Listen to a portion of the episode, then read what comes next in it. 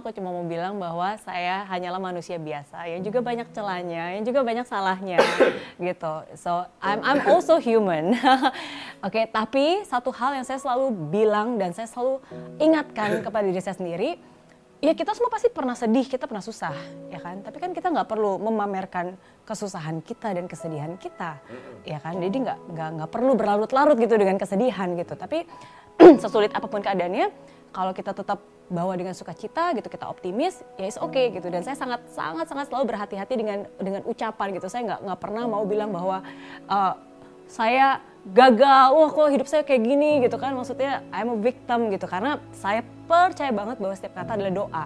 Bahkan kan sebenarnya kayak kayak kayak di ajaran agama kita kan juga bilang orang yang let let the poor say I'm rich let the weak say I'm strong gitu. Jadi yang lemah aja ya jangan jangan kumpul sama orang-orang lemah dan mendiskusikan kenapa ya kita lemah ya.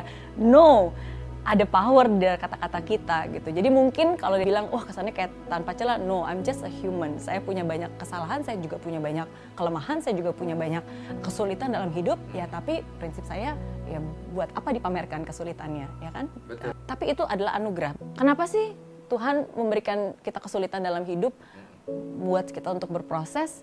Ya menurut saya ada dua sih. Yang pertama adalah supaya kalau kita suatu saat udah berhasil kita nggak sombong, kita bisa ingat dari mana kita berasal gitu, uh, bahwa kita benar-benar bukan siapa-siapa, ini hanya the grace of God gitu kan, anugerah Tuhan.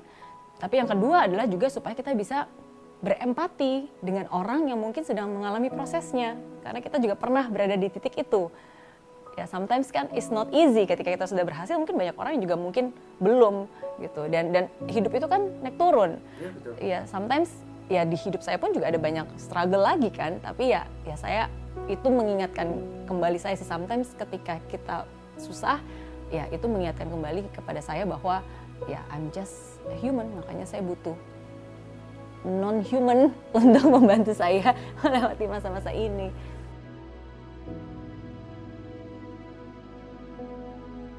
um, there's always a trigger kan sebelum kita memutuskan on decide on something. Jadi kalau misalnya orang tahunya ulang tahun ke-20, mungkin saya sering cerita gitu ya, ulang tahun ke-20 itu momennya. Tapi sebenarnya what happened in that um, birthday gitu kan. Jadi aku inget banget, jadi hari itu uh, uh, saya lagi kerja bagian brosur di tengah jalan, waktu itu di Tanjung Pagar MRT di Singapura, Tanjung Pagar.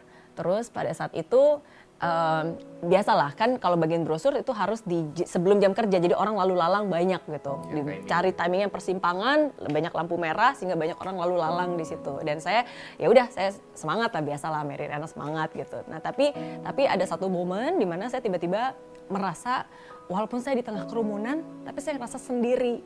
Kenapa? Karena saya ingat itu hari ulang tahun saya dan saya ingat di rumah itu setiap kali ulang tahun itu selalu dirayain. Walaupun bukan peran besar ya tapi mama selalu bikin kue gitu kan bikin kue sendiri gitu terus ada adik gitu. Terus saya ngerasa bahwa ini ulang tahun saya saya sendiri tapi saya nggak bisa cerita karena saya nggak mau saya nggak mau mereka susah juga gitu. Terus saya ngerasa ya saya tiba-tiba ngerasa sendiri aja di tengah kerumunan banyak orang sambil bagian brosur. Jadi di situlah akhirnya mungkin pada saat saya pikir orang lain pikir ini orang gila dari mana lagi bagian brosur kok sampai nangis gini bagiannya. Tapi itu uh, aku jadi benar-benar teringat dan uh, ya itu sih menjadi salah satu momen di mana saya merasa bahwa ya mau sampai kapan sih hidup kayak gini? Gitu kan. Maksudnya Tuhan sudah menghadiahkan saya hidup loh. Saya lagi ulang tahun gak semua orang kan bisa terus lanjut hidup gitu kan. Ini ulang tahun saya gitu kan. Berarti kan Tuhan aja masih nggak give up sama saya. Tuhan aja nggak menyerah. Masa saya menyerah gitu. Dan akhirnya ya di situ saya mulai banyak mikir dan akhirnya saya menentukan oke okay, that's it. Saya harus jadi orang sukses.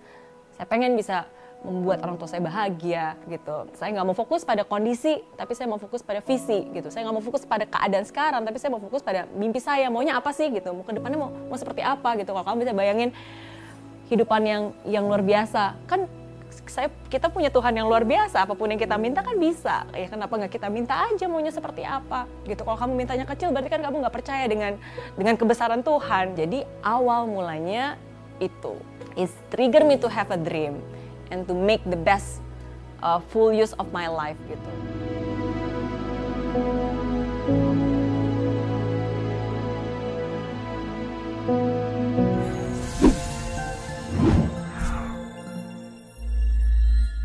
Di aplikasi Mary Riana tersedia lengkap video-video YouTube terbaru saya, artikel yang up to date, quotes inspirasi, koleksi merchandise, workshop dan seminar yang bisa kamu dapatkan free dan download sekarang juga gratis.